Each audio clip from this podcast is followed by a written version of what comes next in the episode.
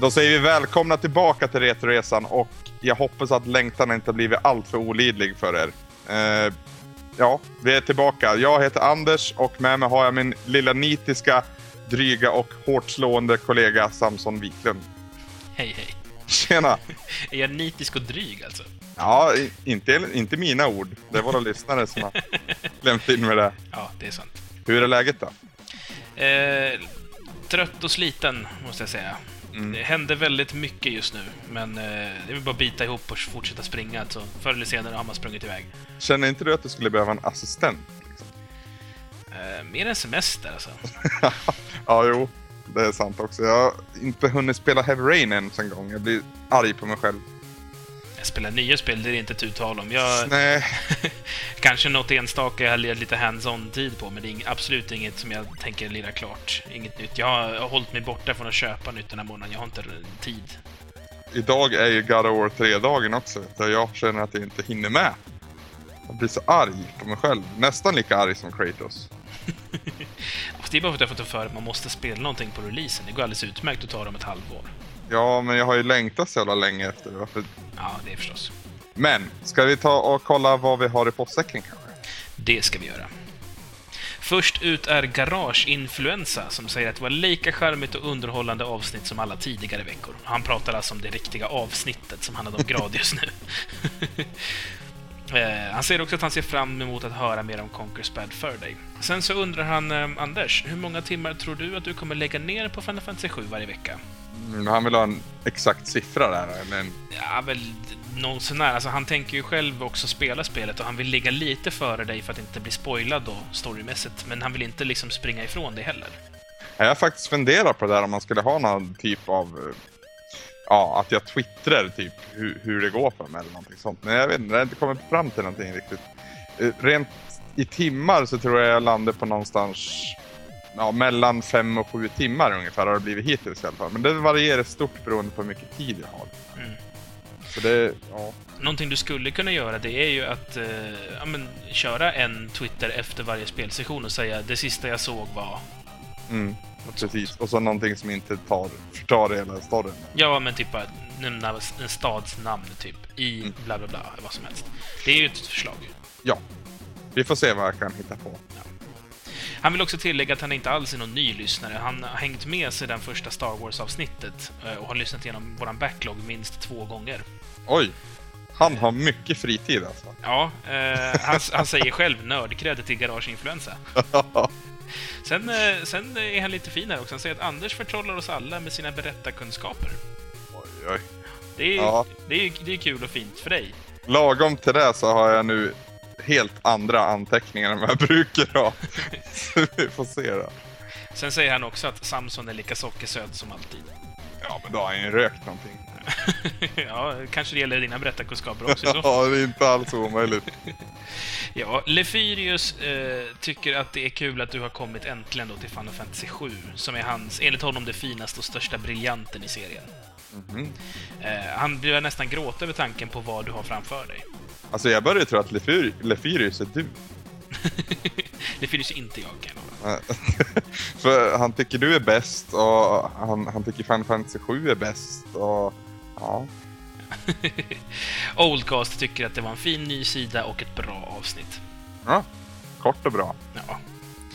Varje vaka tackar också för ett trevligt avsnitt och tycker Final Fantasy 7 är mysigt till skillnad från 4 och 6 Vad har han rökt då? Fråga Sex. inte mig. Nej, alltså jag, jag håller ju fortfarande sexan högst. Sjuan har ju mycket kvar att göra för att imponera på mig så att säga. Du har bara börjat. Ja, precis. Det, det vet jag ju av också. Men ja, jag försöker att inte vara skeptisk, men det blir att jag är det ändå. Det understryker ju bara hur bra sexan var. Ja, eh, vidare så fick vi ju ett icke-avsnitt lite senare. eh, och vi har ju några kommentarer idag, men det är väl mest folk som är lite, lite, lite sura över att de blev rickrollade, i princip. Ja. Det var helt och hållet mitt fel. Ja, inte rickrollen, det var helt och hållet jag. Ja, det var helt och hållet du. Men att ställa in förra veckan var helt och hållet mig. Och som sagt, som jag skrev på våran Twitter så får ni komma med ett straff. Jag tror vi fick in ett förslag på det också. Va? Vi har ganska många, ja, så jag tänkte, har du valt ut vilken du vill göra? Alltså, för det första så borde... Ja, alltså, jag vet ju en som jag inte vill göra, men som vore rätt rolig om jag gjorde. Mhm. Och det är den här att du ska komponera en pizza som jag måste äta och kommentera. Okej, det är fiskpinnen som tycker alltså att jag ska beställa en pizza åt dig. Precis. Och det ska alltså bestå av eh, vilka vidriga kombinationer som helst. Ja, alltså det är du som får ringa till valfri pi- pizzeria i, i Bollnäs. Spela in det och sen får väl jag försöka filma när jag ska och äta. Ja, alltså jag tycker att det finns... eh, Det är kul ur, ur förnedringsaspekten. Mm. Jag tycker däremot inte att det är så jättekul att förnedra dig. Och då, I och med att det är jag som ska bestämma allt äckligt på den här pizzan så känns det lite obekvämt. Alltså jag vill inte ringa till en pizzeria och bestämma en massa saker som jag vet att du måste äta sen. Förstår du? Det är, det är som att det är jag som är böden helt plötsligt. Ja, det är du som ska straffa mig nu för att du sprang en mil för ett tag sedan. Ja, fast jag sprang ju en mil för att jag hade misslyckats. Du behövde ju inte liksom piska mig medan jag sprang, om man säger så. Ska, ska vi vara rättvis Samson så sprang en mil för att jag hade lyckats. Ja, i och för sig. Det var, det var mer din vinst än min förlust kanske. Eh, ja. Ja. Det har ju också kommit som förslag, att du ska springa en mil för rättvisans skull. Ja, men nej, vad fan, det är inget kul. Alltså, det, det, det, dels är det inte kul för mig, men jag vet inte. Det vore ju kul om det kommer något nytt. Ja, Lefyrius föreslår i så fall att du ska lära dig att handdra nudlar. Okej. Eh, Det är alltså en, en i princip då, en, en ganska så avancerad matlagningsteknik där man, du helt enkelt ska lära dig hur man gör när man drar de här nudlarna. Eh, För att du ska ha klarat det då så vill han se att du kan göra två nudlar som är dragna i sex varv i rad utan att misslyckas. Okej. ehm.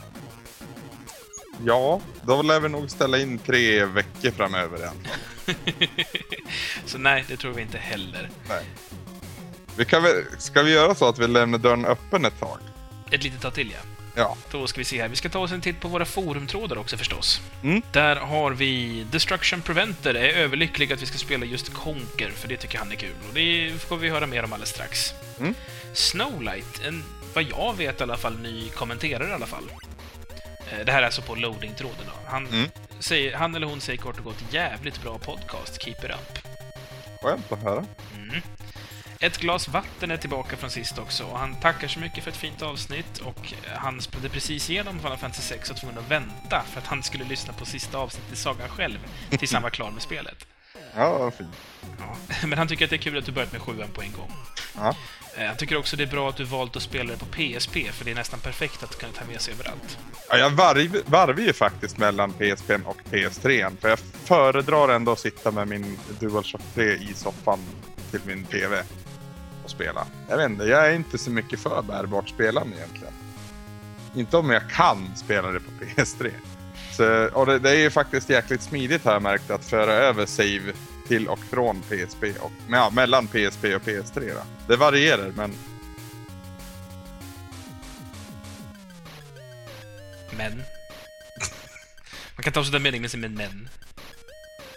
Men jag föredrar ju att spela på PS3 som sagt. Tuve skriver att, eh, eller han vill ge oss lite respekt för att vi vågar sätta händerna i Nintendo 64-kontroll igen. Eh, och det, det har ju tagit sina törnar, kan jag ju säga. Fick du också kalla kårar när du såg färgen? Ja och nej. Alltså, det, det är mycket som inte stämmer med 64 och det, det är lite... Det är lite som att hitta en, en, en död grävling ute i skogen. Man, man vill peta på det, men samtidigt så vill man inte för det är lite icky. Ja, kontrollen jag fick den var helt illröd dessutom. Så här, ja, men det här var ju snyggt. Jag hade en sån eh, halvt genomskinlig lila sak. Mm. Eh, Otroligt gräslig faktiskt. Ja, och sen, sen är det ju så att man måste ju faktiskt hålla i den också. Man måste hålla i den på ett väldigt, ja inte delikat men ändå, Den är kort och gott märklig den där kontrollen. Jag tycker överlag att den är... Den är bra på sätt och vis, men den är designad...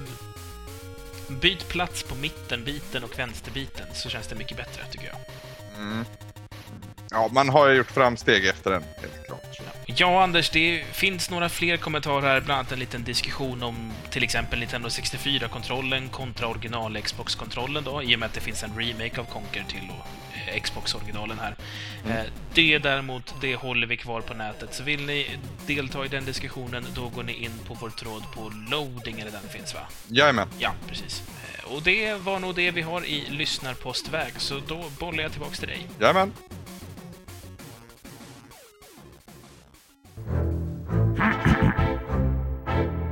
me, me, me, me, me. I am the great mighty Pooh, and I'm going to throw my shit at you.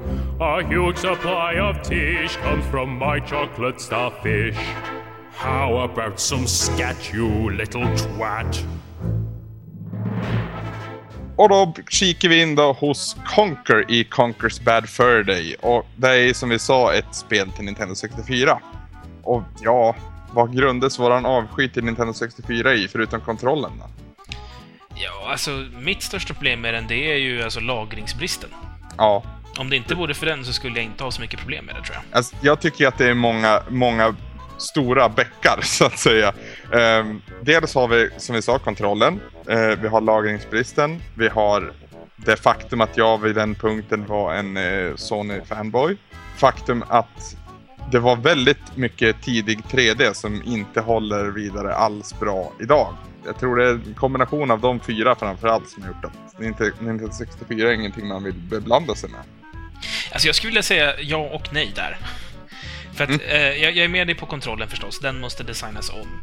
Men vad gäller det här med tidig 3D så tycker jag inte det är ett lika stort problem på till exempel Saturn eller Playstation 1.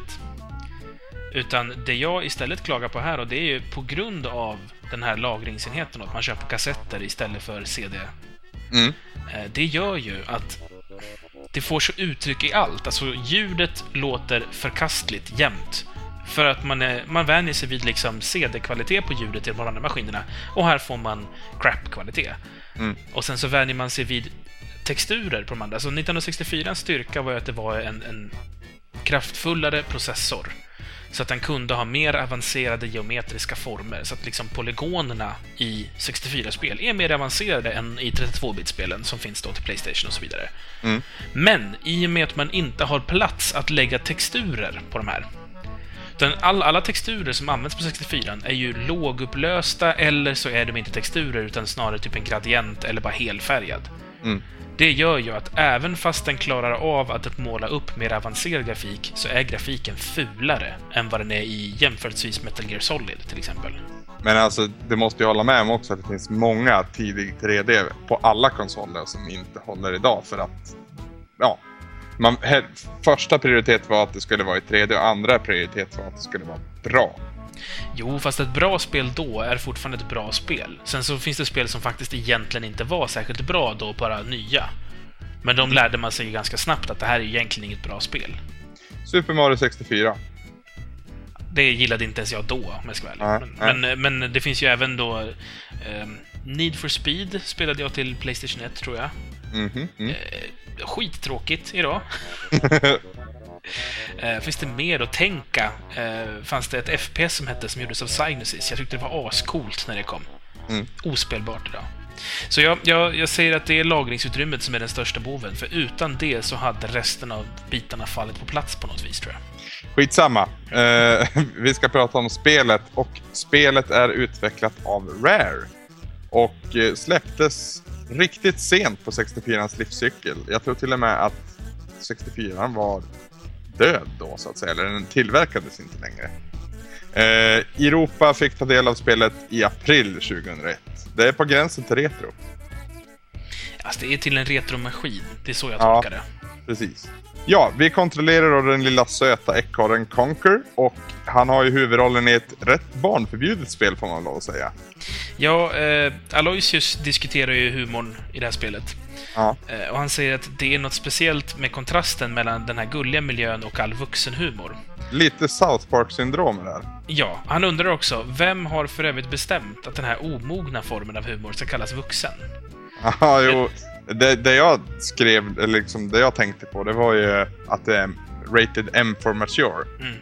Du, men du, du säger ju också barnförbjuden. Mm. Vilket jag tror är ett mycket bättre uttryck, för det är ju inte en vuxen humor. Precis. Det är bara att det är en humor som är lite för magstark för de allra minsta. Mm. Det är kiss och bajs mest tycker jag, men lite sexanspelningar och lite, lite gore och så. så ja.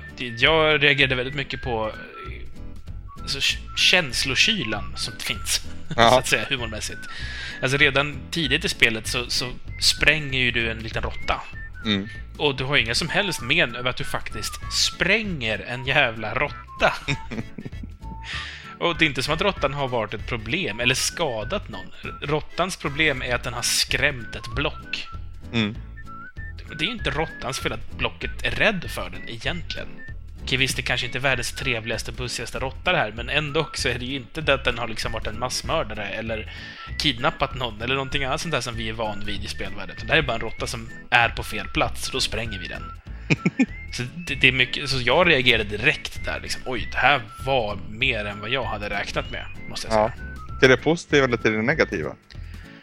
Jag har fortfarande inte lyckats bestämma mig för vad jag tycker om det. Däremot så är det ju positivt att det fick mig att känna något. Jag, jag gillar ju antihjältar. Jag gillar de som... Det blir ju tröttsamt med, med Stålmannen hela tiden. Liksom. Om vi kollar då till hur det ser ut Samson. Hur tycker du att Conquer och hans värld och hans härliga kompisar målas upp? Ja, eh, ur en teknisk aspekt är det ju bajs som vanligt. Eh, Ja, fast får jag bryta in det så tycker jag inte att det känns lika bajs som alltid. Jag tycker det känns liksom som en, eh, som en liten bajs. Och vi ska komma in mer på bajs sen. ja, eh, och då lite mer ordagrant. Ja. Eh, men jag, om vi säger så här, jag, jag tycker inte... Grafiken är vad man skulle kunna säga bra för att vara 64, kanske. Mm. Men bra för att vara 64 tycker jag fortfarande ser för jävligt ut. Alltså bra för att vara Gameboy tycker jag är snyggt. Bra för att vara Atari tycker jag är snyggt. Bra för att vara Nintendo 64 är fortfarande inte snyggt. Det är bara bra för att vara 64. Förstår du vad jag menar? Mm, mm. Jag tycker ju både att Lilet Wars och Mario Kart har bättre grafik än vad det här har. Nu är det helt olika spel, helt andra Mm. system Det är- förstås. det är inte en rättvis jämför, jämförelse heller tycker jag. Nej, men det är de två spelen jag gillar på konsolen. Ja. så det är de jag tar upp. Men, men... Ja, jag vet inte vad jag ska säga. Jag tycker att grafiken... Eh, den, den är stor, den är väldigt färgglad, det är en jättestor miljö man rör sig i. Um, och den är designad liksom så att man... Den här grafiken, ska man säga, den, den känns inte snygg, den känns på sin höjd funktionell. Alltså, du vet, i gamla Nintendo så hade man ju så himla lite... Um, ska man säga, man hade så himla lite, lite att jobba med rent grafiskt, så att när man skulle göra någonting så var det mer en fråga om hur gör vi så att spelarna fattar vad det här är för någonting. Mm. Det var det, Det är det, en mer funktionell inställning. ja, precis. Så Mario fick vita handskar för då ser man hans händer. Han fick hängslen för då ser man hans armar. Han fick mustasch för det är lätt eh, att rita en mustasch jämfört med en mun och så vidare. Mm. Eh, Då, då fattar man liksom att ja, men det, är, det är en man med hängslen och han vita handskar och mustasch. Och här känns det som att Rare kör på någon slags liknande grej, för det är liksom fortfarande minsta gemensamma nämnare rent designmässigt. Så här, ah, okej, det är ett berg gjort av bajs, eller ah, okej, det här är en bikupa. Men det Mm. känns ju inte som att man har liksom lagt någon större känsla i designen mer än så här, okej, folk ska fatta vad det är de tittar på. Förstår du vad jag menar? Ja, jag- jag, jag förstår vad du menar men jag vet inte riktigt om jag håller med. För jag tycker att allting känns unikt, ett jävla starkt ord att använda i det här samman, eh, ja, sammanhanget. Men jag vet inte, det har en speciell känsla över sig. Om det har med färgval att göra då kanske. Kanske. Men tänker du på karaktärer eller miljö nu? Ja, både och. Men framförallt miljöerna. Eh, Ja, jag, jag kanske kan sträcka mig till att, att jag håller med dig om miljöerna. Mm. Däremot så tycker jag karaktärerna, de känns som standard cookie cutter, rares, ja, som också Lefyrio säger. Alltså, man sätter ett par ögon på vad som helst och så är det någonting levande helt plötsligt. Lite Nic- Nickelodeon sådär. Ja, eh, och sen så, jag, tycker Rares karaktärsdesign är ju bedrövlig, har varit det så himla länge. Det, det känns alltid som att det är plastfigurer och, och falska leenden snarare än genuina liksom, saker. Så har jag alltid känt med deras spel. Även Alltså Banjo Kazooie och, och company också är precis samma problem. Mm. Eh, Ja, Viva Piñata tycker jag är liksom det ruttna gräddet på det sketna moset.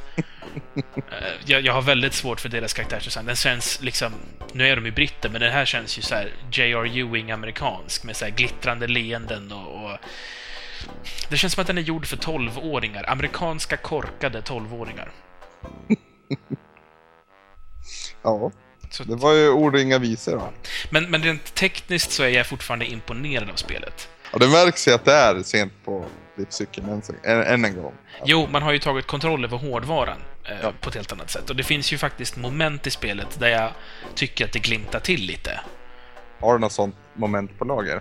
Ehm, Det jag tänker främst på är faktiskt eh, Heist-scenen, ganska sent i spelet. Mm, mm. Eh, där tycker jag att man faktiskt får till det. Inte egentligen grafiskt, men presentationsmässigt som helhet så får man till en ganska så bra känsla där. Alltså, nu när vi är inne på presentation så måste vi ta upp ljud också som blir väldigt, väldigt begränsat av den väldigt, väldigt begränsade lagringskapaciteten. Mm. Men jag tycker ändå att man liksom här får ut det som ska komma ut på något vis. Även om det känns, man hör att det är komprimerat utan tvekan. Men jag vet inte om det är så beklämmande egentligen. Nej, där tycker jag, här tycker jag faktiskt att Rare gör ett bättre jobb. Ja, Eh, jag tycker att musiken håller en bra standard. Alltså, den är inte fantastisk på något sans. och även rösterna också. Rösterna vill jag faktiskt...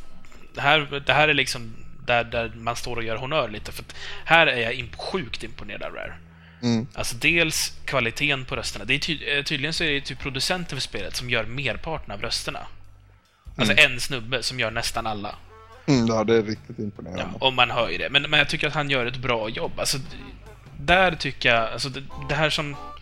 Jag nämnde att jag kände, det kändes falskt, eh, ogenuint designmässigt på karaktärerna, men rösterna på dem tycker jag känns däremot helt äkta.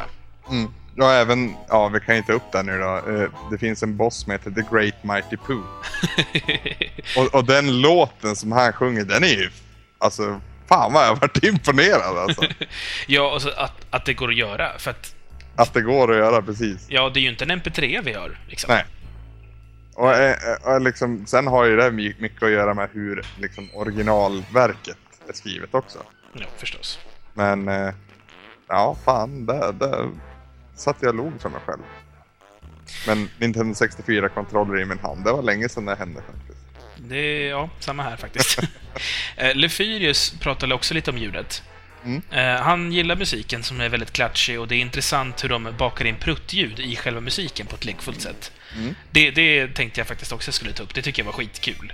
Ja. När man ändå är i bajsvärlden så är det kul att det pruttas i musiken liksom. ja, men det visar på att man har, man har liksom inte stressat fram den här produkten utan det känns som att trots sina begränsningar så har man gjort det bästa av situationen i alla fall. Hela ljudbilden, röstskådespeleri, eh, musiken i, på banorna och liksom alla ljud som kommer av, av ja, att du spelar spelet. Det liksom känns som att man har satt huvudet på spiken ordentligt där. Ja, alltså till och med ljudeffekterna. Ja, Eh, Ja, jag tänker framförallt på allt, det är mycket kladd Ja. i det här spelet. och det tyck- känns som att det är kladdigt. Ja, de har verkligen fått det. Man känner att det är lite äckligt att gå här, eller nudda saker här. Och det är inte bara bajsvärlden då, utan det är även liksom allmänt. De har fått det till ett väldigt bra ljud generellt. Alltså det är en bra ljudbild. Och jag är väldigt, väldigt imponerad här faktiskt. Mm. Ja, det var ju lite oväntat framförallt. Ja, det, har, alltså det är väl den man, grejen man liksom har räknat bort redan för länge sedan. Att det skulle vara bra ljud. Grafik och ljud kommer suga, tänkte man. Och kontrollen kommer suga för att det är Nintendo 64-kontrollen. Och liksom, ja, det kanske är kul på vissa ställen. Nej, men jag, jag, har varit riktigt, riktigt överraskad när det kom till ljudet. Vad tycker vi om kontrollen då? Ja, här är jag lite kluven. Mm. Ehm, alltså, jag tycker inte det är något större problem att styra Conquer. Eh, och den här förenklingen att man har de här kontextkänsliga knapparna man ställer sig på. Som, Väldigt, väldigt charmig lösning tycker jag. Ja, eh, alltså hur de presenterar det. Ja, Med fågelskrämman här precis i början som... precis. Att där du behöver, när du behöver det. En, en sån rut. För alltså, det är så jävla vanligt i spel att liksom så här, oj, det här låg här av en ren händelse. Och här liksom så, så, låter man det bara vara sagt liksom att nej men när du behöver någonting så gå till en sån här grej. De- ger li- liksom ingen förklaring till vad det egentligen är eller ger inget vidare namn utan det är bara... Det, de är väldigt tydliga med att du spelar ett tv-spel ändå. Ja, det är absolut ingenting som skäms eh, över att visas upp på det sättet. Precis. Plus att det tar ju helt och hållet bort eh, inventory-biten. Precis. Men hade det här varit ett Zelda-spel så hade man stått inne på ett ställe så hade man provat 700 olika jävla items tills man hittade det som funkade. Mm. Och här är det ju så att står du på B-knappen och trycker på B, då får du det du behöver. Är det så en slangbella, som en kniv att kasta, som ett glas Treo? Alltså Som det- en, som en, som en toarulle liksom. Ja, allting går att få tag på liksom. Ja. Ja, det, det tyckte jag var riktigt jäkla bra det också. Däremot så är ganska så frustrerad över kameran. Mm. Eh, framförallt i de plattformstunga bitarna. Så när man faktiskt ska hoppa på liksom, till exempel svävande plattformar och liknande. Där tycker jag att det är jävligt bökigt att jag inte har bättre kontroll över kameran.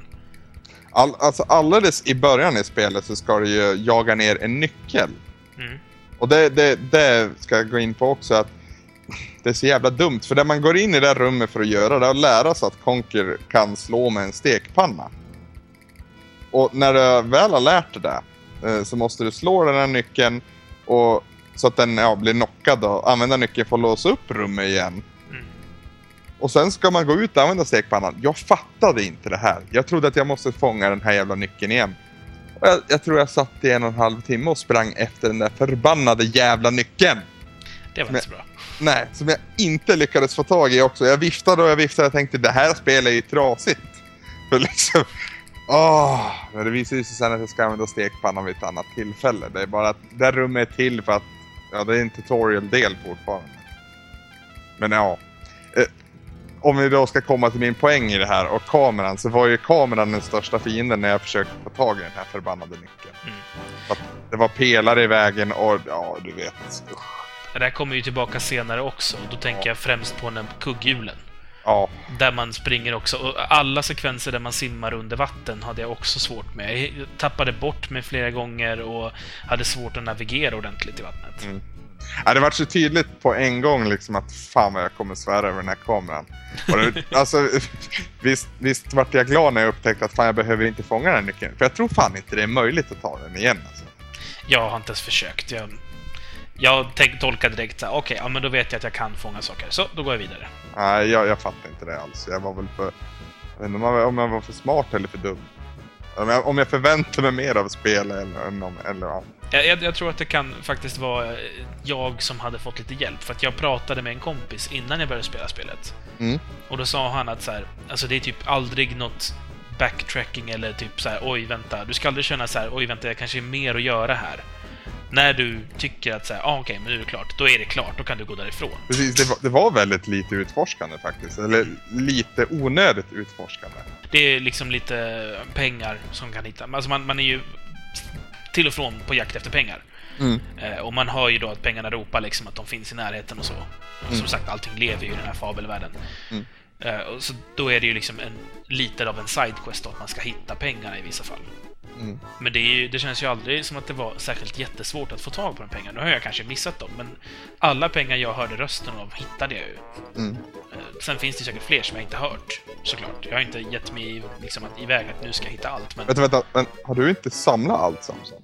nej, jag har inte samlat allt. Vad fan, har du haft feber? Nej, men jag... Eh, kontrollen, alltså, den var lite för obekväm. Ja, jo. ja, man får ju ta det i små sektioner. Ja. Hoppmekaniken funkar ju alltså och eh, Conkers sätt att eh, för, föra sig fram genom att snurra på svansen som inte var helt oväntat tillvägagångssätt för en ekorre heller. Det var... Men eh, det funkar och allting sånt. Men det är kameran som sätter käppar i hjulen. Sen, sen tycker jag vi måste faktiskt pausa lite här och, och backa ett steg här. Mm. Vad fan handlar det här spelet om? En dålig dag skulle jag väl kalla det. Ja, alltså vi får veta att... Alltså vi får ju se två parallella historier. För dels får vi följa Conker som är skitbakis. Mm. Eh, varför han är bakis är för att han var ute och söp. Han har typ ljugit för sin flickvän om att det är någon speciell anledning, så hon är lite sur på honom och väntar på honom. Han ska då hitta hem, är väl typ grundprincipen. Ja. Samtidigt så finns då en, en panterkung någonstans. Den där panterkungen, Mm. nu, nu bryter jag in igen, den är så sjukt lik grottan i Aladdin. Du vet den där grottan där lampan finns. Ja, I egenskap av att de har ansikten som stora kattdjur. Ja, det har du alldeles rätt. Ja, det... jag, jag kanske var lite småfull när jag på den liknelsen. Men okej, Ja, fortsätt. men ja, visst. Fine, jag köper det. Hur som helst i alla fall. Ehm, den här panterkungen i alla fall, han har ett problem. Det är att han spiller sin mjölk när han ställer den på sitt bord bredvid sin tron. Då har han en liten tysk liten vetenskapsman som hjälper honom, ja. Och den tyska vetenskapsmannen gör en massa undersökningar på det här bordet och kommer fram till att då är för att det bara är tre ben på det här fyrbenta bordet. Mm. Lite senare i storyn får vi reda på att någonting som är perfekt lagom längd här, det skulle vara en röd liten ekorre. Dum, dum, dum. Eh, och någonstans mitt i allt det här så är det någon som kidnappar också Conkers flickvän. Fast det är en helt annan historia. Mycket, mycket märklig inramning här måste jag säga. Alltså det är inte mycket som verkar hänga ihop och uppdragen du gör verkar heller inte leda någon vart. Utan det är så här, du springer någonstans och så möter du typ någon som behöver hjälp och så, så hjälper du dem och så får du lite cash och sen springer du vidare. Mm. Inte mycket röd tråd tycker jag. Det, det är liksom, det kommer... Tror, du, tror du inte att det är lite meningen?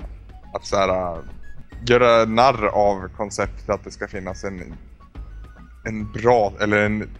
Att det, vad, heter, vad heter det? En röd tråd kanske? Nej, men en röd tråd, men en engagerande story i ett spel. Ja, alltså ja och nej. Jag tror att det är... Alltså, självklart så är det ett medvetet val. Man har inte försökt skriva någonting och sen har man bara misslyckats. Så är det ju inte. Mm. Utan gänget på Rare har ju liksom bestämt sig för att göra det här non sequitur-bitarna som är liksom helt frånskilda från varandra. Mm. Jag tror att det egentligen är för att man med det här spelet det, det gick ju igenom iterationer i det här spelet. Från början när det visades upp så, så var det ju ett helt vanligt liksom, Banjo Kazooie-spel fast med jävla ekorre. Mm. Och det blev ju typ utbuat på E3 för folk hade precis spelat klart Banjo Kazooie och var såhär åh oh, shit, mycket samlande och massa plattformshoppande. Ja, det är klart. Och sen så presenterade de ett exakt likadant spel fast med en annan snubbe bara. Mm. Det gjorde ju att Rare itererade sitt koncept och gjorde om det till det här Kiss och Bajs-spelet med den här annorlunda inramningen som vi har fått nu då.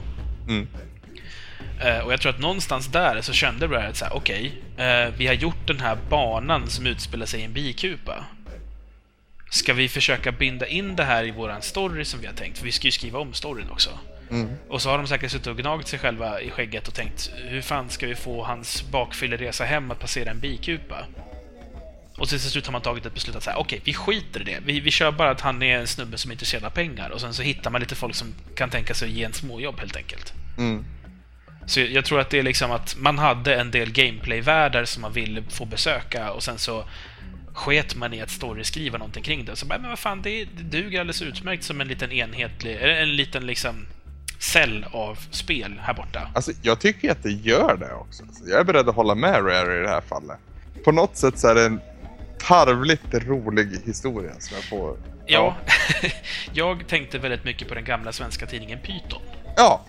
Bra liknelse. För det är liksom, det är snor och det är bajs och det är lite tuttar och det är sex och det är böghumor och det är, det, det är mycket liksom saker som egentligen är jävligt barnsliga. Men nivån man skämtar på är fortfarande barnförbjuden för att det är liksom, man svär och man... Det blir buskis, kan man väl nästan säga. Ja, precis. Lite, ja, lite fräck historia sådär som man drar i basten med jobbarkompisar. Ja. Ja. Tänker mig att Stefan och Christer om de bajsade med på varandra. ja, ungefär. Fast, måste jag också säga, jag är inget fan av Stefan och Christer. Det här är faktiskt kul till och från också. Ja. Ja, så. Apropå kul då, vad tycker du om alla... För det är en enorm mängd filmreferenser som dras i det här spelet. Otroligt. det, jag har aldrig sett så många referenser intryckta i ett och samma spel, måste jag säga. Nej, det, det, de har ju verkligen ansträngt sig. Har du någon personlig favorit? Eller först och främst tycker du, tycker du att det tillför någonting? Ja, helt klart. Alltså, jag tyckte det var skitkul att sitta och, och räkna referenser, liksom. Mm. Jag vet inte, ja. Matrix-scenen är ju förstås kul. Just Matrix känner jag liksom att det här har redan gjorts. Ja, Red- redan i Max Payne.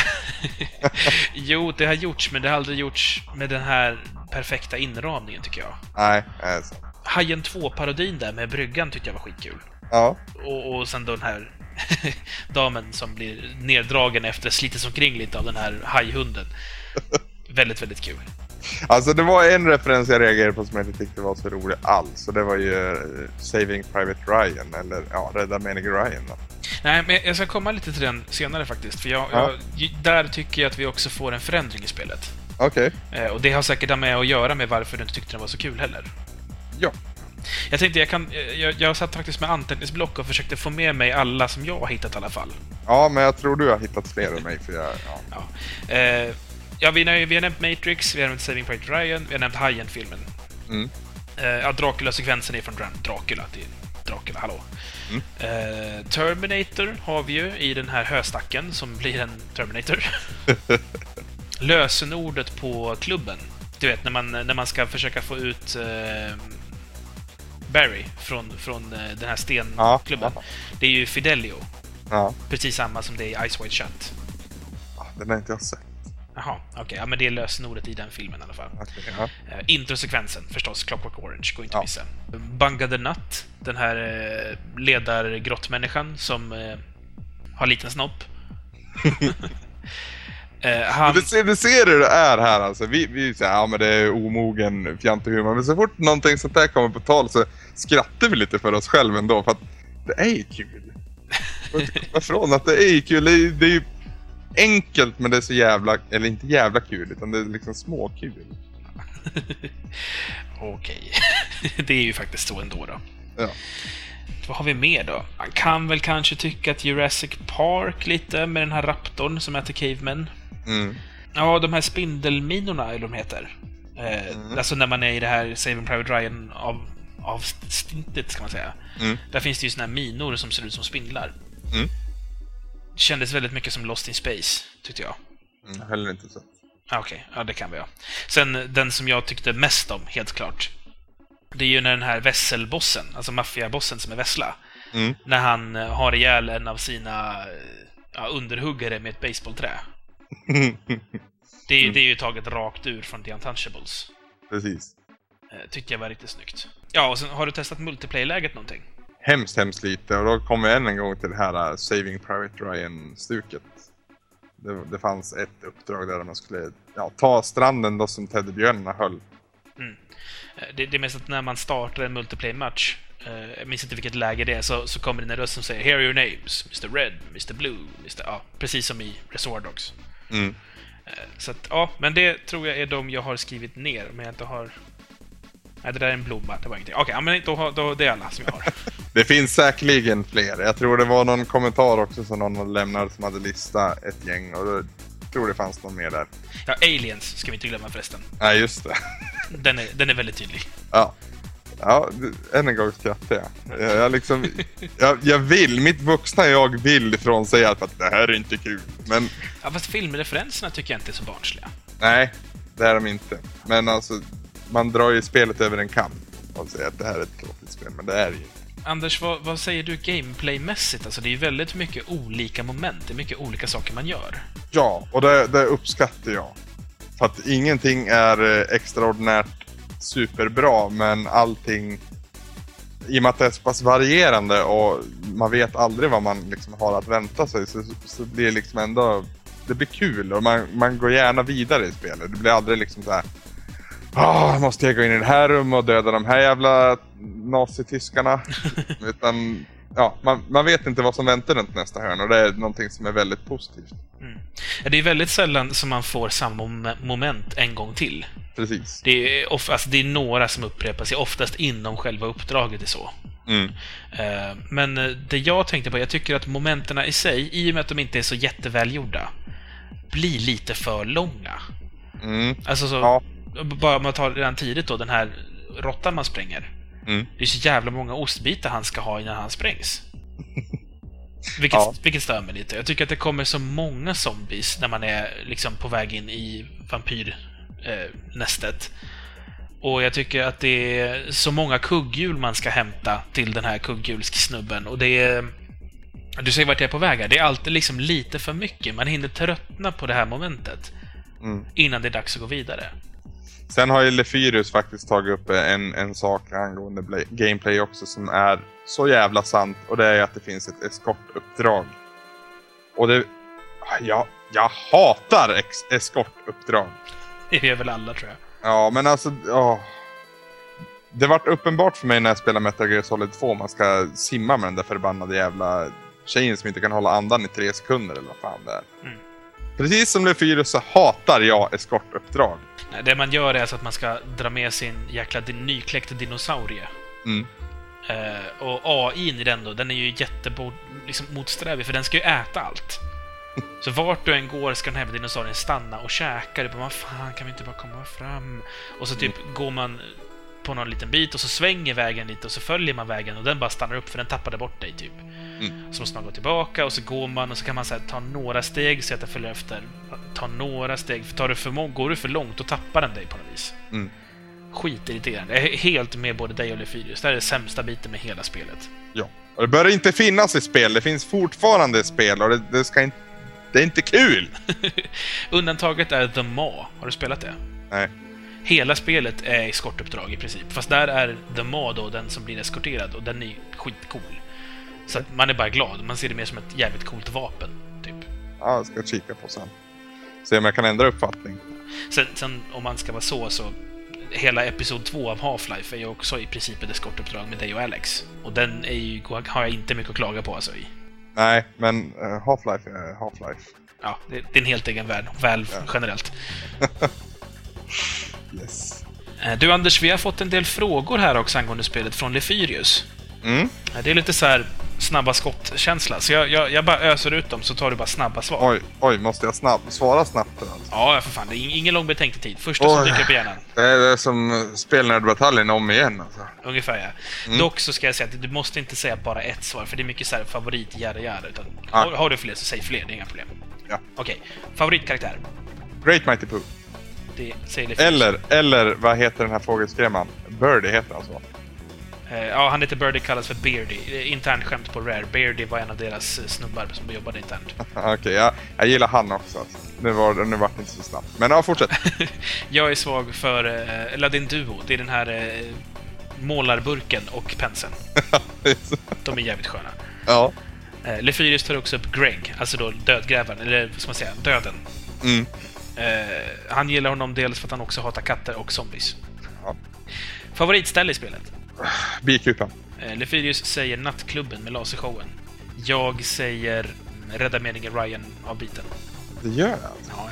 Så, det är hela... Jag vet inte, jag, vet, inte, jag är inte säker på det. Men eh, det var de snabba frågorna som Lefyrius ville ställa. Mm. Eh, jag tänkte vi skulle prata om någonting som jag reagerade väldigt, väldigt kraftigt på det här spelet. Mhm. Rädda meningen Ryan-avsnittet jag precis nämnde.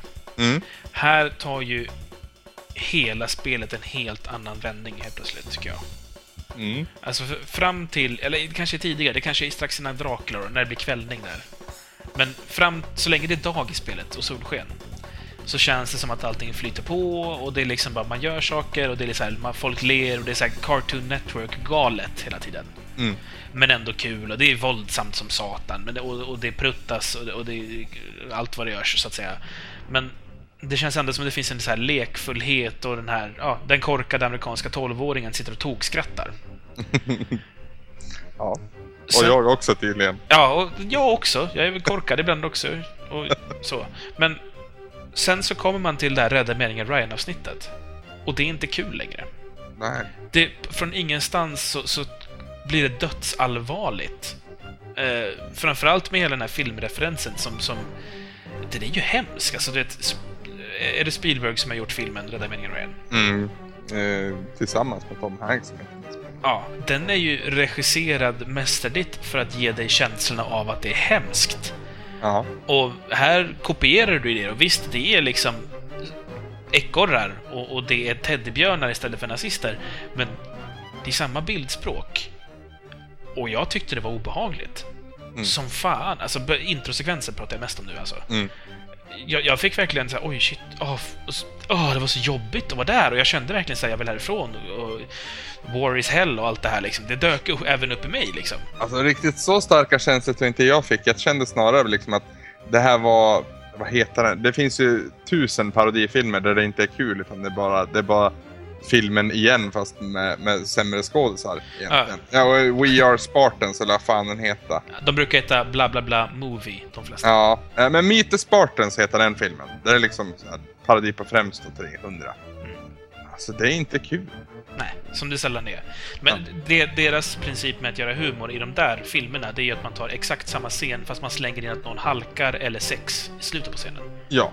Jämför det med gamla parodier, alltså Mel Brooks parodier till exempel. Där är det ju att man faktiskt skriver sin egen historia som i sig inte är något mästerverk, men håller att berättas från start till slut. Och sen så slänger man in att det är liksom sköna referenser och humor.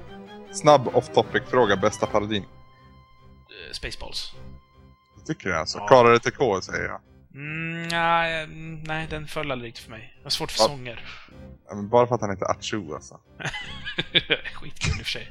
Å andra sidan, eh, Blazing Saddles är jag väldigt svag för också. Även om Ja. den ballar ur ganska rejält på slutet.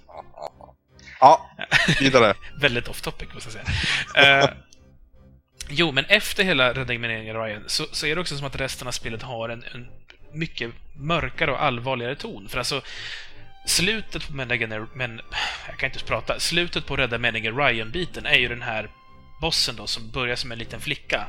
Mm, Som man märker att det är något lurt med då. Och hon är ju sjukt obehaglig. mm, Och inte sjukt obehaglig på det sättet som typ min mormor är sjukt obehaglig ibland.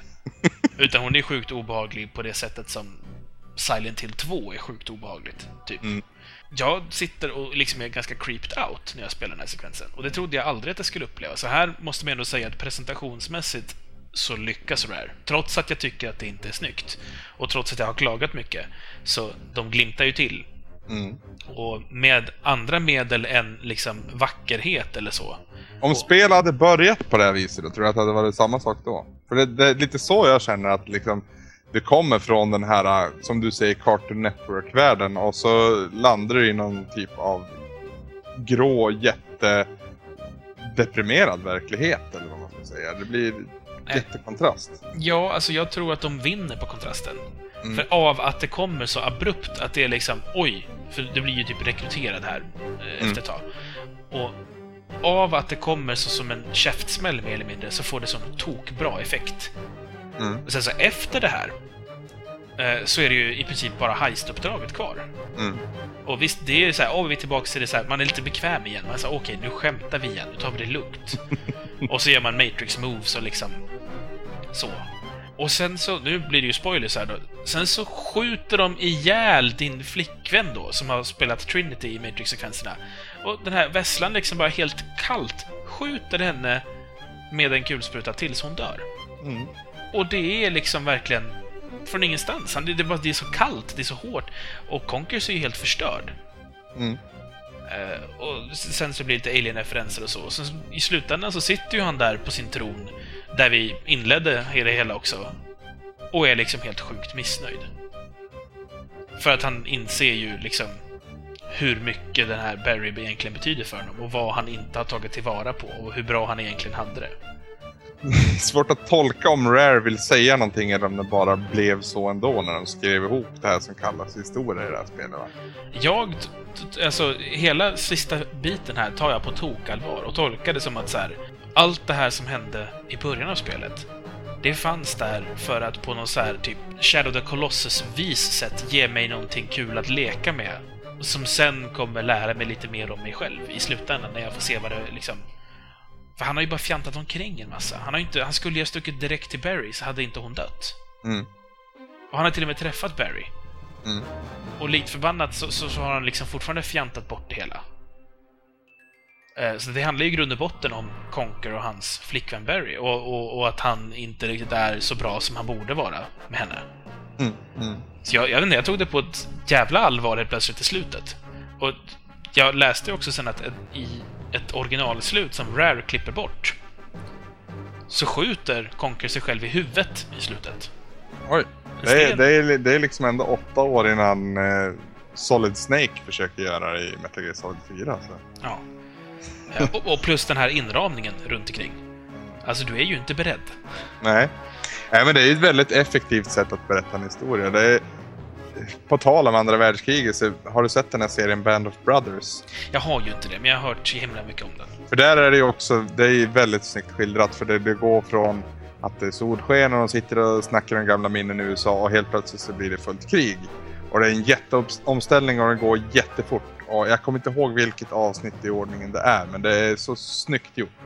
För du, du sitter liksom och myser med dem för det är väldigt älskvärda karaktärer och helt plötsligt bara dör någon. Och man vet att den här killen kommer inte komma tillbaka. Och då blir man ju skitless. Är inte less utan man blir ledsen snarare. Mm. Det känns ju som att man också har förlorat något.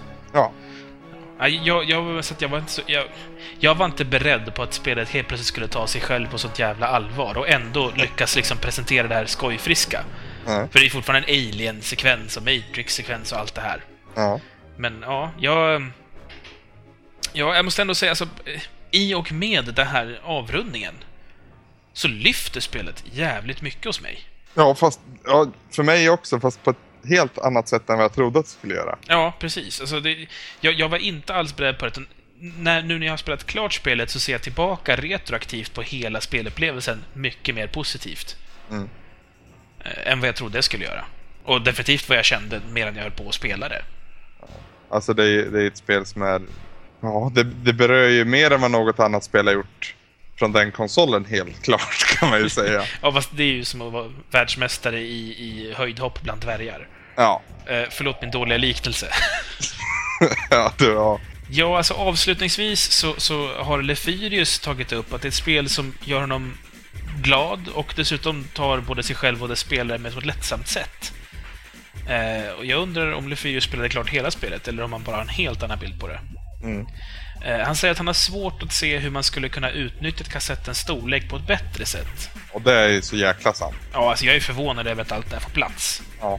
Eh, slutligen så säger han också att eh, han tycker att det är så bra så att man inte vill ha en uppföljare. Ungefär som med Grim Fandango. Ja, det är inte Ja. lika bra som Grim Fandango, men det är samma princip. Mm. Och det är jag helt med på. Jag vill inte ha en fortsättning på Conquer. Det var väl en på gång, va? Eh, Och sen så ströks de planerna när Rare vart uppköpta. Det kan vara något sånt också. Sen, Det, det är någonting jag greppar liksom lite halvdant. för mig att det finns någon bärbar version också som verkligen är ett kiddie-spel. Mm, men det tror jag kom före. Det kanske gjorde, det vet jag inte. Ja, Anders. Eh, ska vi kanske försöka göra en pizza av det här? Herregud. Ja. ja, vi får väl göra det här då. Vill du börja? Min pizza finns inte. Jag vet inte vad jag ska göra. Nähä, har du någon förklaring till varför den inte finns eller? Ja, den är overklig. Alltså, jag kan ju beskriva vad det är. Ja, gärna. Tänk dig att du, du kommer hem och du frågar liksom morsan då så här, Mamma, du, vad är det för mat idag? Hon bara, du, vi har, vi har köpt pizza. Och du bara, "Åh, sweet, jag älskar pizza. Kommer ut i köket. Tro på fan, du ser den där märkliga pizzakartongen. Och du vet, kärringjäveln har köpt en calzone. Ja, du bara, ah, fuck it, det är bättre än ingenting. Och så öppnar du kartongen. Det är en calzone. Och du börjar äta calzonen. Och du smakar ungefär som calzone brukar smaka. Sen så händer någonting. Och den här calzonen bara utan förklaring och utan att du märker det blir någon slags kycklingpizza, tror jag. Mm. Någon sån här mm, ganska hyfsad pizza, liksom. Inte kanske liksom ditt förstahandsval jämt när du käkar pizza. Kyckling är ett sånt kött man tycker är gott, men det är inte oftast det man i första hand väljer när man... Eller åtminstone inte jag, när jag väljer pizza. Nej. Eh, Jag men brukar ju, förlåt att jag bryter igen, jag brukar ofta välja kyckling när inte har något bättre välja. jag har ingen riktigt bra förklaring, men det, det är en pizza som, som är en god pizza. Eh, du gillar den och du tycker att den mättar ordentligt. Eh, och, när du efter ett tag så stannar du upp och säger ja just ja, när jag började äta den här pizzan, då var det en jävligt trist calzone. Vad hände där egentligen? Det är väl i princip det bästa jag kan komma fram till här, för jag, jag har så himla svårt att definiera det här spelet på ett annat sätt, för det är så mycket som har hänt medan jag har spelat det här spelet. Jag, jag, är lite inne på samma spår fast med en liten annan eh, setting så att säga. Du köper hem en familjepizza för att du känner att liksom, fan vad jag ska käka pizza nu. Du kanske är ensam hemma själv och du känner att fan jag ska liksom till mig. Och du köper en pizza som du, du, liksom, du vet att allting som är på är gott. Det, det, du, du safear så att säga. Och det smakar bra och det ser nice ut och så, men det blir ju liksom, det blir ju mätt till slut och du, du stoppar in den i kylen så att säga. Och så sen dagen efter så plockar du fram den igen och över natten så har den här pizzan fått den här... Äh, det är bara vissa pizzor som, som, som blir så. Och jag vet inte vad det är som gör det, men en del pizzor är godare när de är kall och har stått i kylen och liksom på något vis hårdnat till och blivit lite... det, det, det är svårt att säga seriösare, men alltså du förstår vad jag menar. de, har, de har blivit lite kall och eh, lite mer kompakt så att säga. Och den andra delen av pizzan som liksom är leftovers blir faktiskt en mer härlig upplevelse än, än vad den här första pizzan var. Den är mest bara ja, nästan med tvångssyndrom liksom mata i dig pizza för att åh, jag får äta pizza och det är så gott. Och, mm. Så vart du så proppmätt och så fick du lite så här paltkoma och somna. Men den här biten som vart kvar till dagen efter, den här sista tredjedelen. Den vart helt suverän av att man lät den gro till sig så att säga.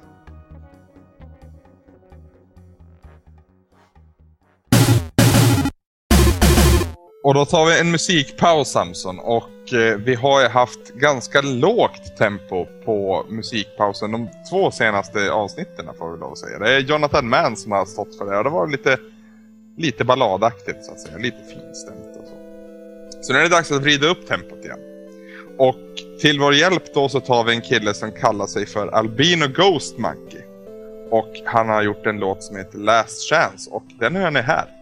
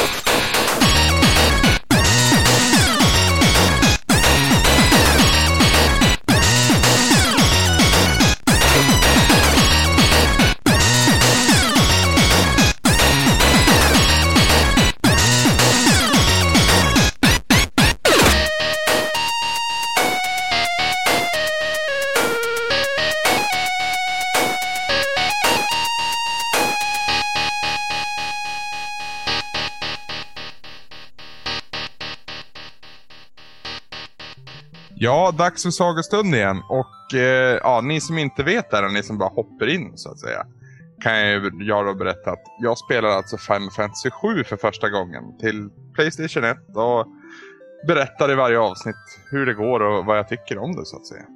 Eh, förra veckan fick ni inga avsnitt alls och veckan före det så inledde jag mitt spelande.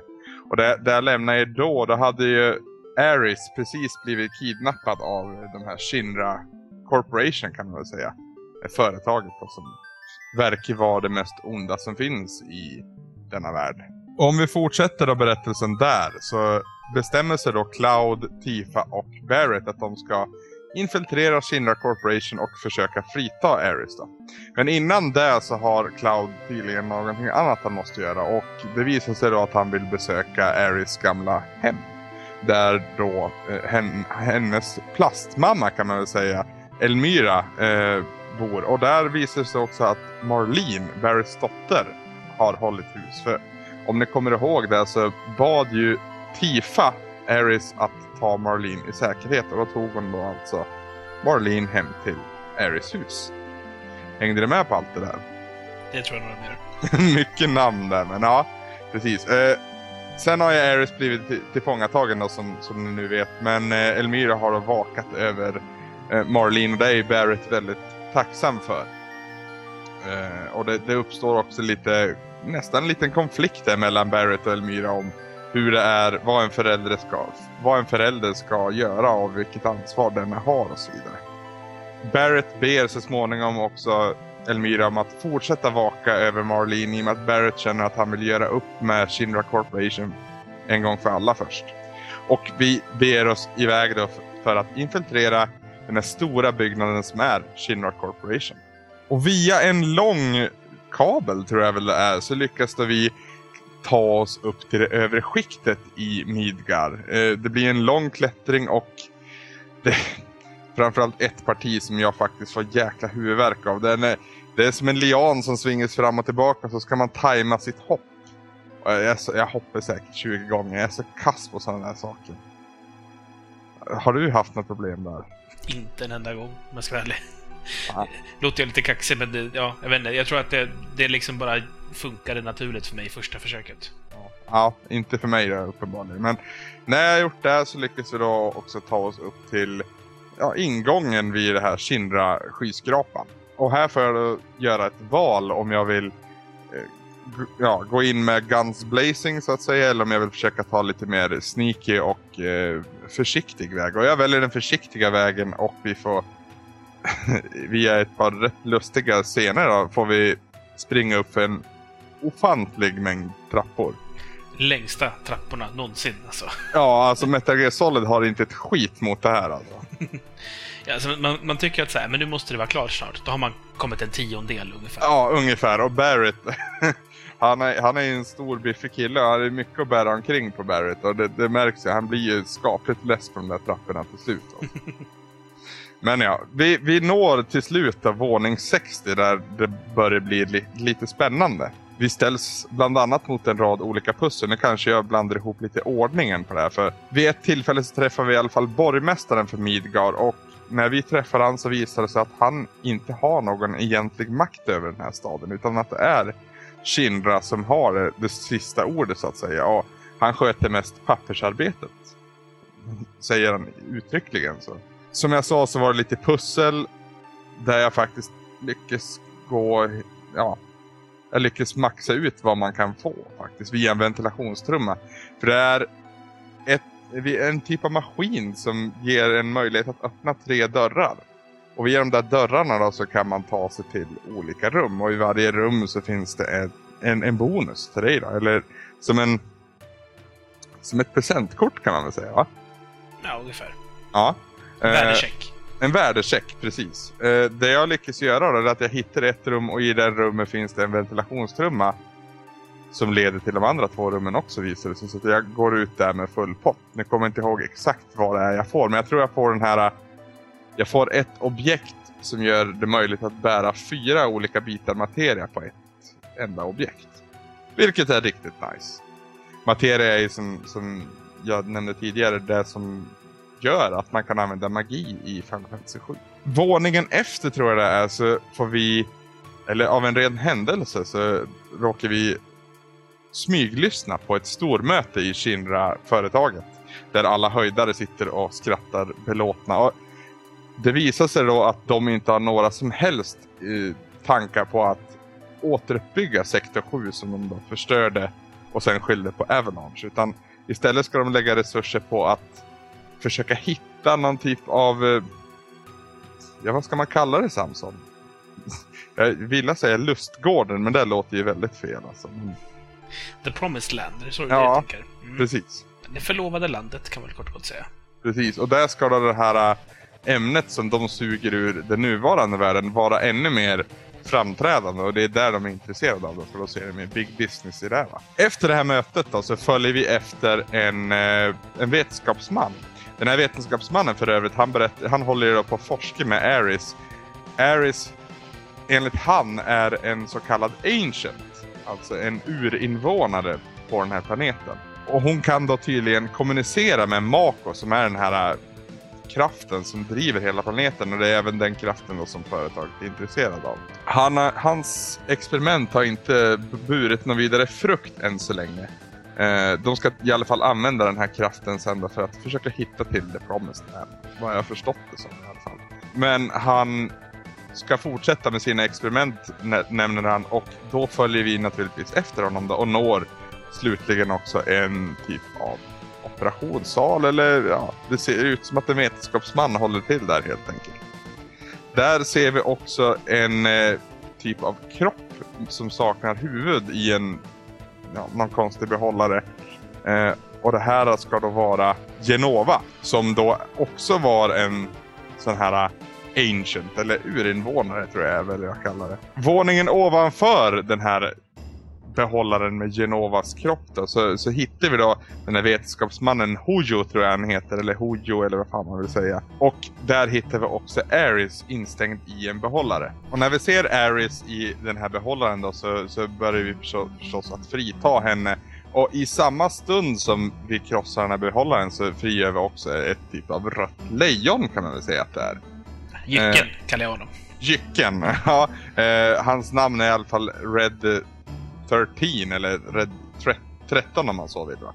Alltså det är ju inte hans namn, men det är ju hans, hans call sign så att säga. Det är det han har kallats i labbet. Precis. Och ja, jag vet inte. Det är väl någon typ av experiment. Han pratar väldigt sofistikerat och får mig att dra på smilbanden i alla fall en gång. Så, och han visar sig vara vänligt inställd mot oss och har inte så mycket till övers för Shinra han heller va. Så, så han slåss ju ganska snart på våran sida. Eh, när vi har fritagit Aris och fått med oss Red 13 så då har ju vi lyckats med det vi gick dit för så att säga. Men The Turks kommer in i bilden och sätter käppar i hjulen och vi blir tillfångatagna. Tillfångatagna får vi också ställa oss framför den här presidenten för företaget som bekräftar det jag tidigare berättade att de ska använda Aris ja, krafter kan man väl säga för att försöka lokalisera The Promised Land och den Mako-energi som finns där. Då. Efter det så blir vi förda till fängelseceller där vi, jag, alltså Cloud tillsammans med Tifa i ett rum och Barrett och Aris i ett annat rum tror jag det var. Eller Barrett och Red, ja jag minns inte riktigt. Efter lite samtal så kommer natten och vi försöker sova då. Mitt i natten sen då så vaknar Cloud till och märker ganska snart att det är någonting som är på tok. Eh, han märker då att hans fängelsecells dörr är öppen och eh, utanför så ligger eh, en vakt helt täckt i sitt eget blod och även blodspår över hela korridoren. Han, han springer och väcker de övriga partymedlemmarna och följer sedan blodspåret ut genom hela byggnaden egentligen. Och här är det någon som har haft en riktig bärsärkagång. Till slut så når vi eh, rummet där eh, presidenten för Shinra har sitt kontor och där finns också den här presidenten. Dock inte vid liv utan han är pålad eller vad man ska säga. Han är brutalt mördad med ett svärd som Cloud definitivt känner igen. Och Cloud berättar då att det här svärdet det tillhör den beryktade Sephiroth. Som ja, tydligen har gått bärsärkagång då. Det vi tidigare märkte också det var att den här Genova-kroppen eh, saknades. Den fanns inte i sin behållare längre. Utan det är väl tydligen där som Sephiroth har haft som sitt mål för den här aktionen. När vi då inser att det är Sephiroths verk det här så, så inser vi att ah, shit, vi måste dra härifrån. För som vi har sagt, att Sephiroth är ju en väldigt erkänd krigare, den största i världen. Och det pratas om legenden som var, som var trodde man då, Sephiroth. Han är ju påstått död, men eh, verkar ju uppenbarligen inte så. Vi lyckas ta oss upp till taket på den här byggnaden och där hamnar vi öga mot öga mot en helikopter.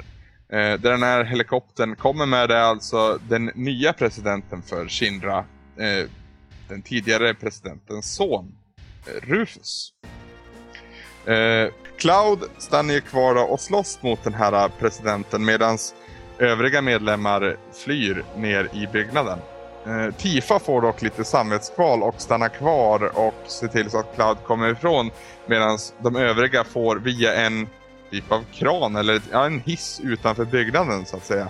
Slåss mot någon typ av, ja det är väl någon boss det också. Någon flygande maskin som gör livet surt för oss. Men vi klarar oss rätt bra. Vi har, vid det här laget har jag irrat omkring så jäkla mycket så jag ligger nog i alla fall två levlar före vart, vart det borde vara. Clouds fight går också bra. Rufus ger ju upp det till slut. Han dör ju naturligtvis inte. Han ska väl spela ut en större roll än så. Men Cloud får då också tillsammans med Tifa försöka fly genom den här byggnaden. Till slut får samtliga partymedlemmar tag på eh, två maskiner eller två fordon. Eh, Cloud rider på en motorcykel medan de övriga sitter i någon typ av ja, bilaktig sak. En pickup. En pickup kan vi säga. Och via motorvägen då så försöker vi fly från Shinra-folket som jagar oss. Cloud får då via sitt svärd och på sin motorcykel eh, slå sig fri från de här Shinra-fienderna som försöker, ja, försöker få stopp på både Cloud och övriga partymedlemmar. Väldigt bökig kontroll här men det, det går och trots allt det är bra. Eh, jag vet inte om det ska vara något problem att klara det här egentligen, men man viftar det som, som, som en tok innan det är färdigt. Det här, det här är alltså det första minispelet du får spela? Ja, just det. Ja, jag, jag har hört lite om de här minispelen, att det ska vara någonting som återkommer i serien, eller i spelet så att säga. Ja, precis. Just den här eh, tycker jag är faktiskt ganska så kul. Alltså det, det som är bökigt är att det finns ju en fördröjning. Ja. Alltså när du trycker på slagknappen så tar han upp sitt svärd och sen slår han. Precis. Och det är det som gör att det är liksom, du trycker så och sen så trycker du och sen så det är liksom det är inte den här direkta, det är inget Ninja Gaiden liksom. Nej. Det jag upptäckte var nästan lite mer effektivt, det var ju att preja bort sina fiender. Jag kör på, på svärdet. Alltså jag, jag prejar dem visserligen för att ha dem så att de inte kan fly mig. Ja. Och sen så står de ju inlåsta liksom mellan mig och väggen och då tar jag svärdet. Ja, just det. Ja, det är nog rätt effektiv, eh, effektivt sätt. Till slut så tar den här motorvägen slut. Den är, verkar inte vara färdigbyggd i alla fall. Eh, och vi, kom, vi får då i ryggen en, en typ av boss. Som jag tror kallas Motorball eller någonting sånt där. Det är någon typ av maskin där också i alla fall. Det här ställer sig mot en betydligt större utmaning och det är på vippen att jag åker dit. Men eh, ja, mitt vanliga flyt håller i sig. Jag, jag lyckas på något jäkla sätt klara mig bra. Det är, maskiner också, det är de svag mot lightning har jag lärt mig. Så det, jag använder mycket det och lightning har jag också köpt på mig i, i materia. Så jag, jag har det på samtliga partymedlemmar. Så då, när jag inser att det är det som gör mest skada så, så blir det tok offensiv vilket också visar sig vara en vinnande taktik. Med bossen besegrad så kan vi via ett rep vira oss ner från den här äh, bron som vi har flytt på och vi landar då utanför staden Midgar och kommer ut på den stora kartan så att säga. Vi delar, delar upp oss i två olika partyn som jag då får välja och det party som jag väljer då det är Cloud, Barrett och Tifa. Och varför jag väljer dem det är bara för att de har varit med längst så att säga. Det är de jag känner mest för fortfarande. Ja, Anders, eh, när du kommer till just den här partyuppdelningen du får göra, det, här är väl också, det är väl första gången i det här spelet som du får göra den här uppdelningen? Ja, det, det sker först i, i eh, Shinra skyskrapan någon gång där, men det är under ett väldigt, väldigt kort parti. Mm. Eh, alltså det som är här, det som du ska tänka på, det är att de du tar med dig, mm. det är väldigt sällan det är bundet något speciellt till vilka som är med var. Mm. Eh, så att var inte rädd för att ta med dig någon som du kanske inte känner så bra, just för att du kanske lär känna dem lite bättre av att du har med dig dem. Okej. Okay. För du kommer nästan aldrig bli tvingad att ta med dig någon speciell. Det är liksom vissa story-specifika moment där det är så här, nu ska du ha den, för det här kommer handla om den. Liksom. Mm. Men annars så, eh, experimentera gärna. Och se till att du hjälper alla på traven med levling och liknande. Mm, just det. Och när vi har kommit ut på den här kartan då så, så pratar vi lite i gruppen då om vad vi ska göra. Och det, det Cloud vill då och där det hela rebellgruppen går med på det är att vi ska försöka spåra ner Sephiroth som helt uppenbarligen är vid liv och kolla vad han har för planer med Genova. Och våran, våran vandring då tar oss ganska snart till den lilla byn Kalm, eller Kolm eller vad man ska säga, där vi, där vi bokar in oss på ett rum. Och här blir Cloud lite nostalgisk och börjar berätta, efter lite frågor börjar han berätta lite om sin historia. Framförallt knutet då till just Sephiroth. Och den historien tar oss tillbaka fem år i tiden och till den lilla byn Nibelheim. Och när vi, när vi ser då Cloud sitta bredvid Sephiroth som är en, ja vad ska man säga, han ser väldigt gotisk ut så att säga. Han är lång kappa, långt grått hår och långt, vad kallas de där svärden? Jag vet inte, katana säkert. Katana-svärd kan vi säga då. Ganska snart efter den här bilfärden som vi, ja, som vi utför så, så får, ställs vi också mot en boss. Och jag får kontrollera, kontrollera Cloud medan Sephiroth mest gör som han vill. Och det visar sig ganska snart att Sephiroth, eh, han, he doesn't fuck around. Han, han, han är kraftfull alltså. Det är ordentlig utdelning av skada och det största monstret hittills i spelet det är mest som skåpmat för denna krigare. Och varför han är så här kraftig det har vi inte riktigt fått reda på än. Men eh, vi är lite på väg dit känner jag. Historien fortlöper och vi hamnar så, små, så småningom i den lilla byn Nibelheim. Och det här är alltså fem år sedan som sagt. Och det här visar sig efter ett tag vara Clouds gamla hemstad. Eh, den här staden har sedan en tid tillbaka varit trakasserad av diverse olika monster och det är på uppdrag av Shinra då, som både Cloud och Sephiroth eh, har åkt till byn för att undersöka och oskadliggöra detta problem.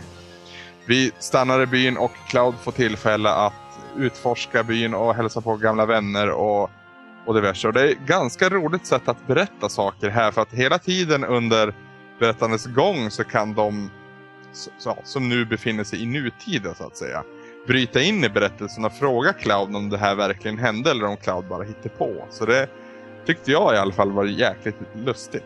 Bland annat så besöker då Cloud Tifas hus och letar väl efter Tifa om jag förstått allt rätt. Eh, läser hennes brev.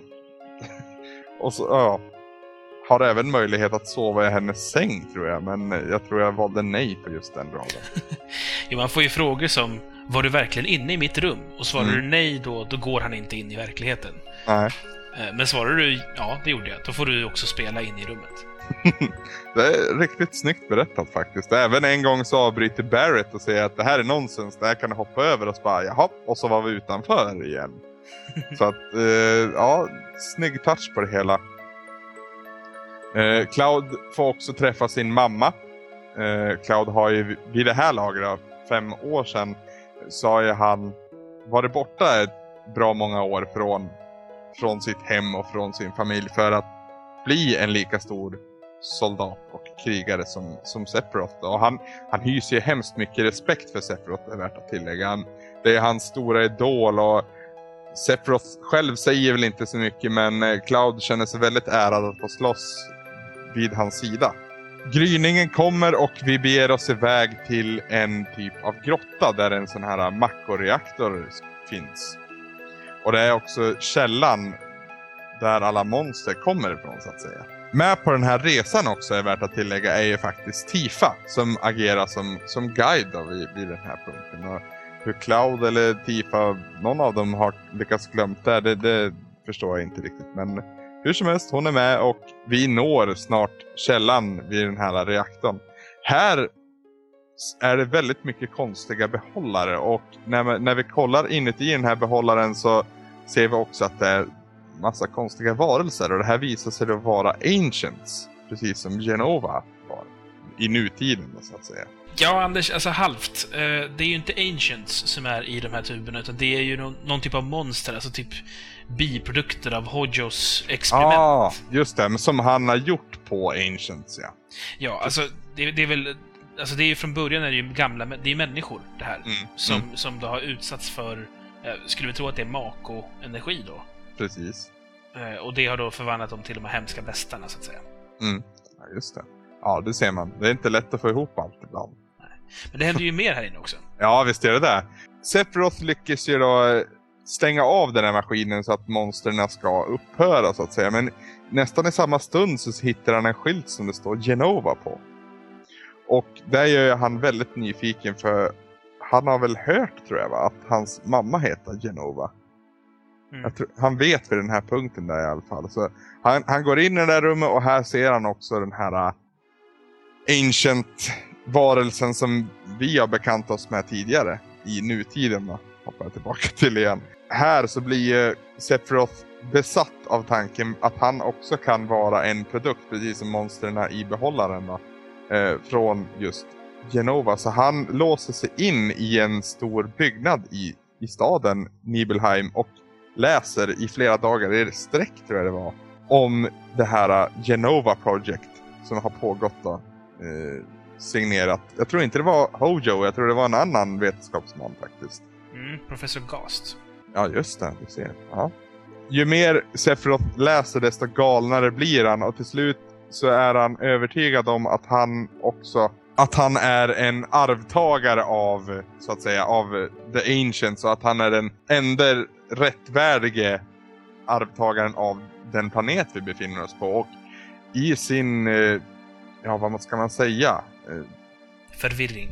För, förvirring eller van, i sitt vansinne så varenda människa som han stöter på hugger han brutalt ner och han sätter eld på hela staden och Cloud kan bara se på medan Sephiroth sprider eh, skräck och död omkring sig och det är ingen som kan sätta upp någonting mot Sephiroth.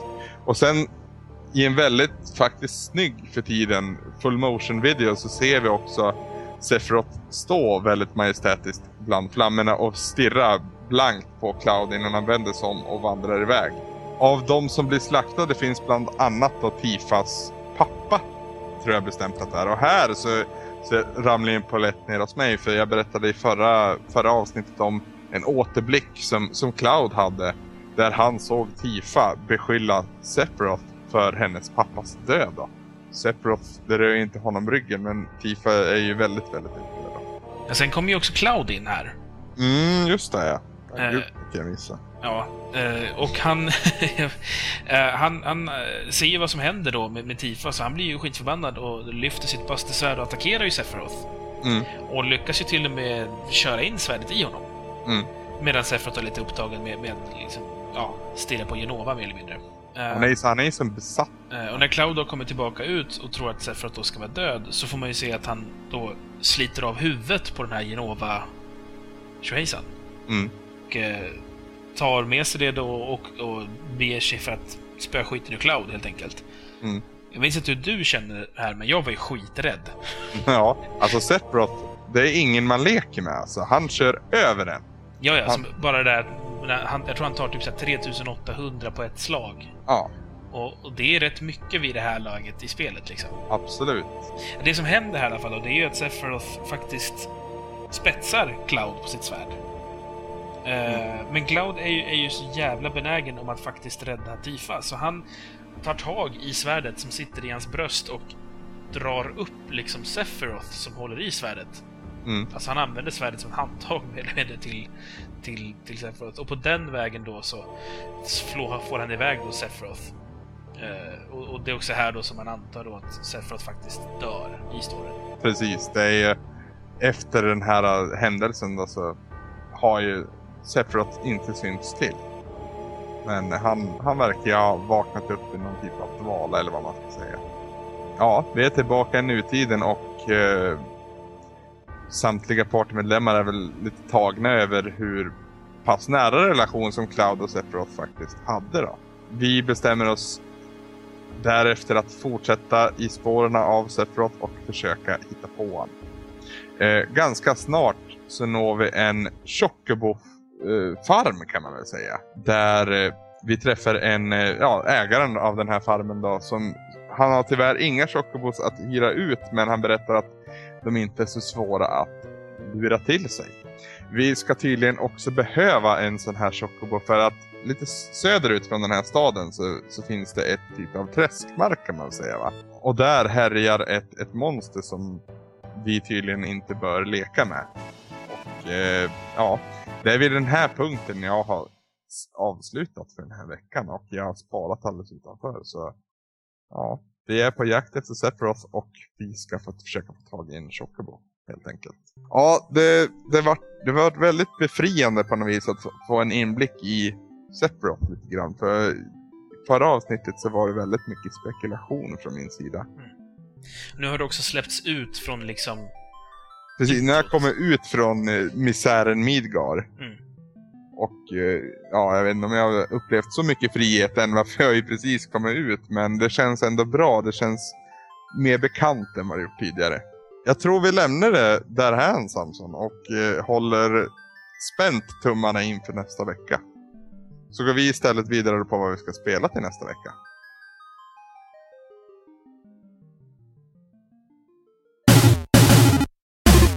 Och till nästa vecka då så ska vi då ta upp ett spel som en av våra lyssnare har önskat. Strix då, som han kallar sig själv, har nämligen önskat att vi ska spela Gunsmoke till NES. Och det här är ännu ett Capcom-spel Samson och jag tror inte att vi gnäller vidare mycket va? Brukar inte göra det, nej. Nej. Har du nosat någonting på Gunsmoke? inte ett dugg faktiskt. Jag, däremot har jag hört musiken från vad jag förstått från första banan. Okej. Och Det, låter ju lovande. Ja, eh, Gunsmoke är alltså en scrollande shooter. ehm, påminner lite om Commando, om du har spelat det. Ja, det har jag spelat. det. Det är typ samma stil, fast det befinner dig i västern då. Ja, just det. Uh, ursprungligen en arkadrelease, som det mesta på den här tiden. Mm. och eh, har portats till en myriad av olika ställen. Den finns till och med på Playstation 1, Playstation 2, original Xbox, Sega Saturn. Och då är det arkadversionerna där. Vi kommer dock ta oss an NES-specialen, för den är lite särskild nämligen. Mm. Mm. Eh, Den portningen alltså som det rör sig om, den släpptes 88 medan originalspelet kom 85. Så nu är det alltså tre år efter originalspelet. Jag vet inte, jag har nosat lite på spelet själv när, det var, när jag var liten. Mm. Eh, Det lilla jag minns är att jag gillade det jag spelade, men att jag typ dog rätt snabbt och att hästen såg rätt ful ut. Okej. Ja, uppifrån perspektiv, det brukar inte kunna ge en sån här supertydlig bild av vad som egentligen är vad va? Och jag kan tänka mig då i västern-tema, det bli en hel del hattar alltså. Ja, gud ja. det är ingen diskussion där. Eh, Men ja, det ska bli kul faktiskt. Jag, jag har var länge sedan jag spelade den här sortens spel, så det, jag tycker det ska bli riktigt kul att spela spelet. Samma här faktiskt. Då så Samson, då börjar vi runda av lite tycker jag. Ja då. Ja. Eh, ni som lyssnar, om ni vill kommentera på det här avsnittet eller bara säga hej, hej hur mår ni till mig och Samson så gör ni det enklast till att gå till vår hemsida till retroresan.se. Eh, ni kan också diskutera i två olika forumtrådar som vi har och de finns på antingen gameplayer.se och på loading.se. Båda de trådarna finns länkande via vår hemsida. Ni som lyssnar gör ju också bäst i att prenumerera på denna fenomenala podcast. Och det gör man då antingen via iTunes eller RSS. Och ännu en gång så är det på retresan.se som man hittar länkar till det. Är man inne på iTunes superofta så är det också rätt enkelt att söka på Retoresan. Då hittar ni oss supersnabbt. Om ni sitter på ett Facebook-konto som har alldeles för lite vänner så finns jag och Samson och våran grupp Retoresan även där. Och vi har lite diskussioner där, vi postar våra avsnitt där och eh, ja, det är ett så mysigt ställe att umgås på. Har ju också en Twitter där vi postar diverse olika saker, oftast hur det går för oss i, i våra eskapader till spelande och allt vad det heter. Eh, Twitter.com snedstreck retresan. Vi har även en liten box på vår hemsida, nu nere till vänster va? Mm, precis. Där man ser de, ja, de senaste inläggen. Då. Slutligen om man vill få tag i oss och vara alldeles superanonym så går ju det också jättebra och då mejlar man till oss på retroresan. Då så Samson, då tackar vi för idag. Eh, jag heter Anders. Jag heter Samson. Målet är ingenting. Resan är allt.